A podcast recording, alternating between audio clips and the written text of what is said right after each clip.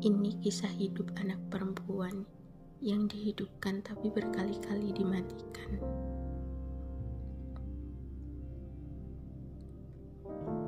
Yang rautnya sumringah, tapi hatinya luka berdarah-darah. Yang hidupnya utuh, tapi terbelah.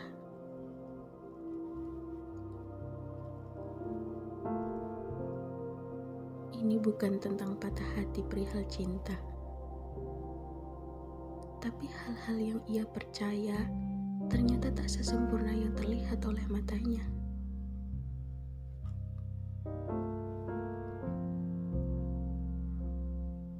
Sekali lagi, ini bukan patah perihal cinta,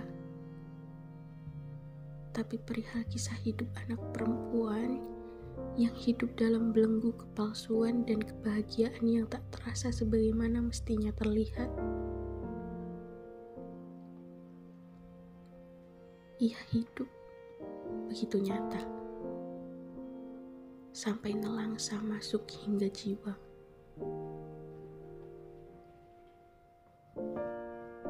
Ia tak butuh maaf,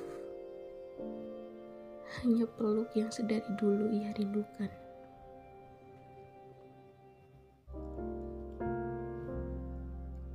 Rumah yang seharusnya untuknya kini tiada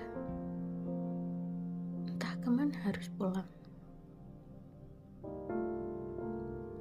Anak perempuan yang baru saja tumbuh dewasa itu dipaksa belajar bahwa rumah tak selalu harus menjadi tempat berpulang. Fakta baru yang ia ketahui bahwa hanya dengan doa ia bisa seperti ada di rumah yang utuh.